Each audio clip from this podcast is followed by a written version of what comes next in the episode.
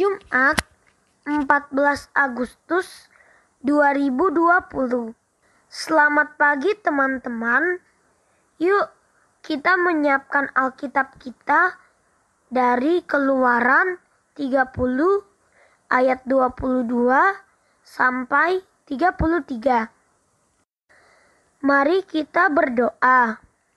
Tuhan Yesus, kami sekarang hendak membaca firman-Mu pimpin kami supaya kami dapat mengerti apa yang ditulis dalam firman-Mu.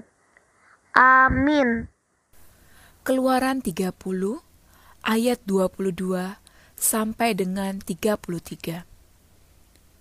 Berfirmanlah Tuhan kepada Musa, Ambillah rempah-rempah pilihan, mur tetesan 500 sikal, dan kayu manis yang harum setengah dari itu, yakni 250 sikal, dan tebu yang baik 250 sikal, dan kayu teja 500 sikal, ditimbang menurut sikal kudus, dan minyak zaitun satu hin. Haruslah kau buat semuanya itu menjadi minyak urapan yang kudus, suatu campuran rempah-rempah yang dicampur dengan cermat, seperti buatan seorang tukang campur rempah-rempah. Itulah yang harus menjadi minyak urapan yang kudus.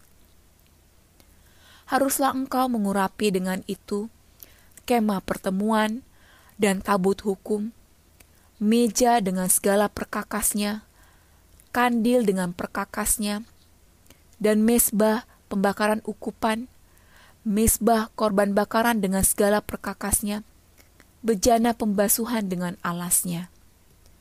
Haruslah kau kuduskan semuanya, sehingga menjadi maha kudus. Setiap orang yang kena kepadanya akan menjadi kudus.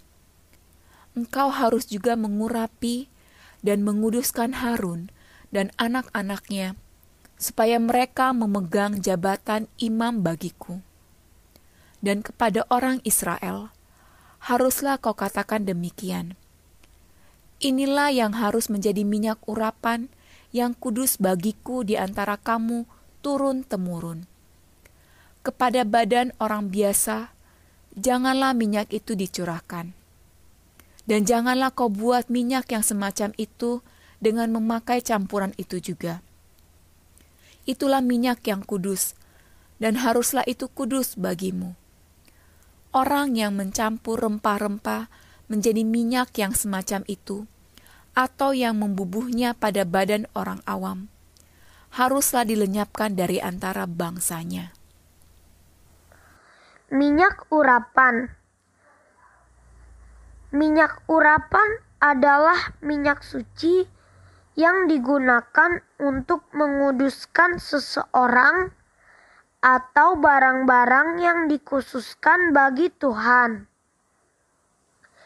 Jika seseorang diurapi dengan minyak urapan, berarti Tuhan telah menetapkannya untuk menjadi raja, imam, atau nabi.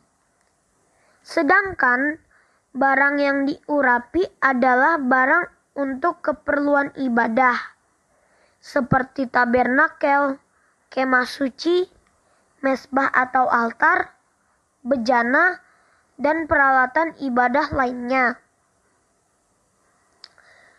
Adapun bahan-bahan untuk pembuatan minyak urapan adalah rempah-rempah berupa mur, kayu teja, kayu manis, tebu, dan zaitun. Dengan takaran tertentu, Bahan-bahan ini diracik oleh orang yang ditunjuk oleh Tuhan sendiri. Tidak semua orang boleh membuat dan tidak semua orang diberikan minyak urapan. Penggunaan minyak ini tidak boleh sembarangan. Tuhan sendiri yang memilih seseorang yang berkenan untuk dipakainya.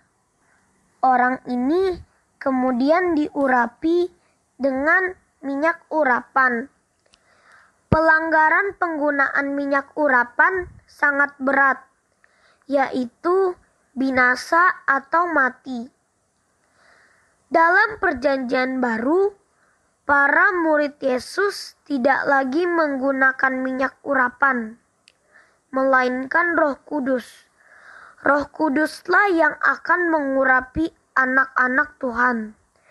Roh Kudus Tuhan berikan kepada kita yang percaya kepada Tuhan Yesus sebagai juru selamat yang telah menebus kita dari dosa.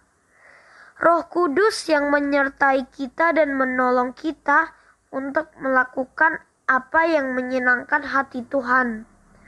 Untuk itu, kita harus selalu memohon pertolongan Roh Kudus untuk memimpin kita.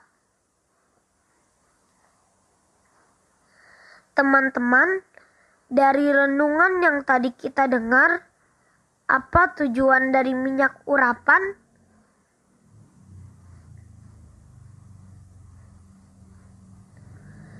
Bagaimana kita hidup sebagai anak-anak Tuhan yang dipimpin oleh Roh Kudus?